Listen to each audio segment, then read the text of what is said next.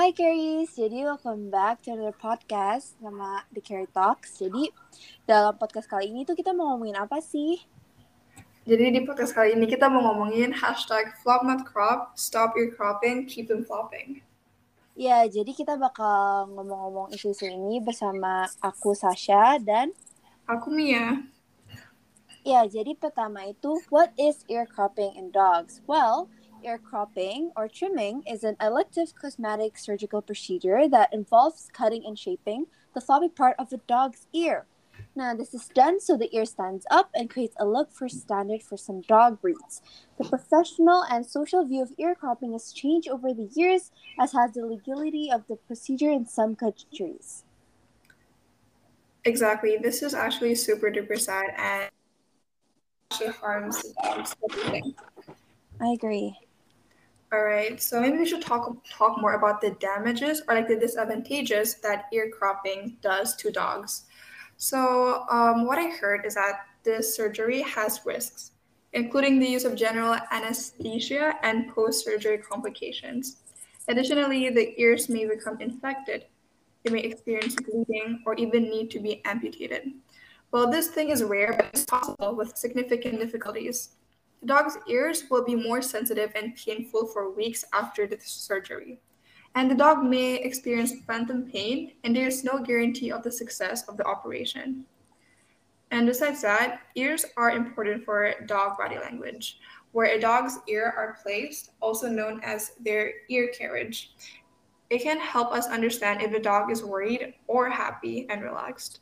And if a dog's ear has been removed, it can be more difficult to know how they're feeling. Do you know uh, the others besides those uh, points? I also heard, Mia, that it can also affect a dog's earring. Well, a dog's ear can move independently of one another and move towards the direction of sound so that they can be positioned in the optimal place for hearing. The outer ear is shaped to capture sound waves and funnel them into the ear canal and towards the eardrum. Well, it's not yet known whether surgical changes such as ear cropping can affect hearing, but it is possible. Now, hearing all that, I feel so sad for the dogs that have to go through these horrible, horrible actions. Exactly, and I heard that there's no, uh, clear laws regarding this. Well, do you know how to stop ear cropping? Well, I've actually heard, well, there are a lot of ways on how we can actually help these dogs and how we can actually stop ear cropping. Well, the first is to join a community that's against ear cropping. Well, there is a lot of campaign that goes against the ear cropping, such as hashtag cut the crop, that wants to bring an end to the ear cropping, and that's why they're supporting the British Vet Association hashtag cut the crop campaign, where the ear cropping is a immensely painful and cruel mutilation, and we can help them by signing their petition. Well, besides that, I also heard that we could take a great care of our dog's hearing. One of the benefits of the ear cropping is that it can improve their hearing. It is not the only way to improve it. You can also give them a good environment that is calm in order to prevent dogs from hearing loss. Do you know any more ideas, Mia? Well, yes, I, I think I have know some I know some tips to protect our dogs against potential hearing loss. You know, we can avoid we should avoid sudden loud noises, avoid sharp or high pitched noises. We have to provide nutritious meals and snacks for optimum health. You also have to provide a safe and quiet environment during holidays or family festives, and you have to prevent exposure to a loud, repetitive noises. Well, I know uh, two more tips that we can do to prevent this, which is to give them suitable environment to live. You know, your dog needs a safe, comfy place to rest, situated in a dry, drought-free area. Living in a cold or damp place can lead to unnecessary suffering. If your dog lives outside, it will need protection from adverse weather or other threats.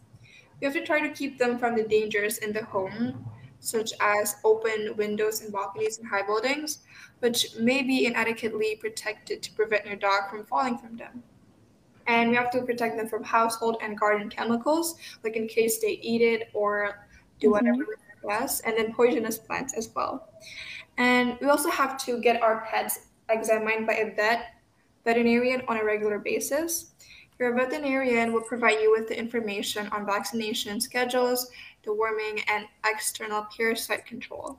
Keep a copy of your pet's vaccination records in your home or with you when you travel. You also have to contact a veterinarian if you believe that your pet might be ill, injured, or something just doesn't seem right. And a veterinarian is the expert on keeping your dog healthy. You have to work as a team with him or her or they. Now, hearing that, I feel like the carers at home will have a sort of more information about what we could actually do to help to stop these ear cropping incidents to happen again. Now, let's just talk about more of why the petition created, like why hashtag cut the crop or the hashtag stop the crop campaigns was made. Well, according to the RSPCA figures, there was an alarming 621% rise in ear crop dogs in the UK between 2015 and 2020, while the number of the cases reported to the charity over the past year have doubled. Well, don't you think that's quite a lot of numbers, Mia? Yes, exactly. It's too much, in my opinion. Exactly, and campaigners have expressed alarm at the number of celebrities and influencers who parade their dogs with crop ears on social media without denouncing the practice as a mutilation which is banned in the UK. There's also growing concern that the UK based owners can purchase DIY copy kits from mainstream online retailers in a matter of clicks. Now, that just sounds really scary. Exactly, and dogs are, are, hum- are like uh, like beings and they need love and care and not mm-hmm. cropping. Like it harms them. They're just like us and we have to protect them no matter what. I totally agree. And by this, we hope you guys at home can know that ear cropping is actually not just an influencer, like a viral thing that we have to do to make our dogs presumably look physically better, but it is such a cruel practice as the mutilation and it can harm our dogs. Exactly. And uh, I'm Mia. And I'm Sasha. And thank you so much for listening to this podcast. And I hope that you will you learn something new. Thank you. Thank you. Bye. Bye bye.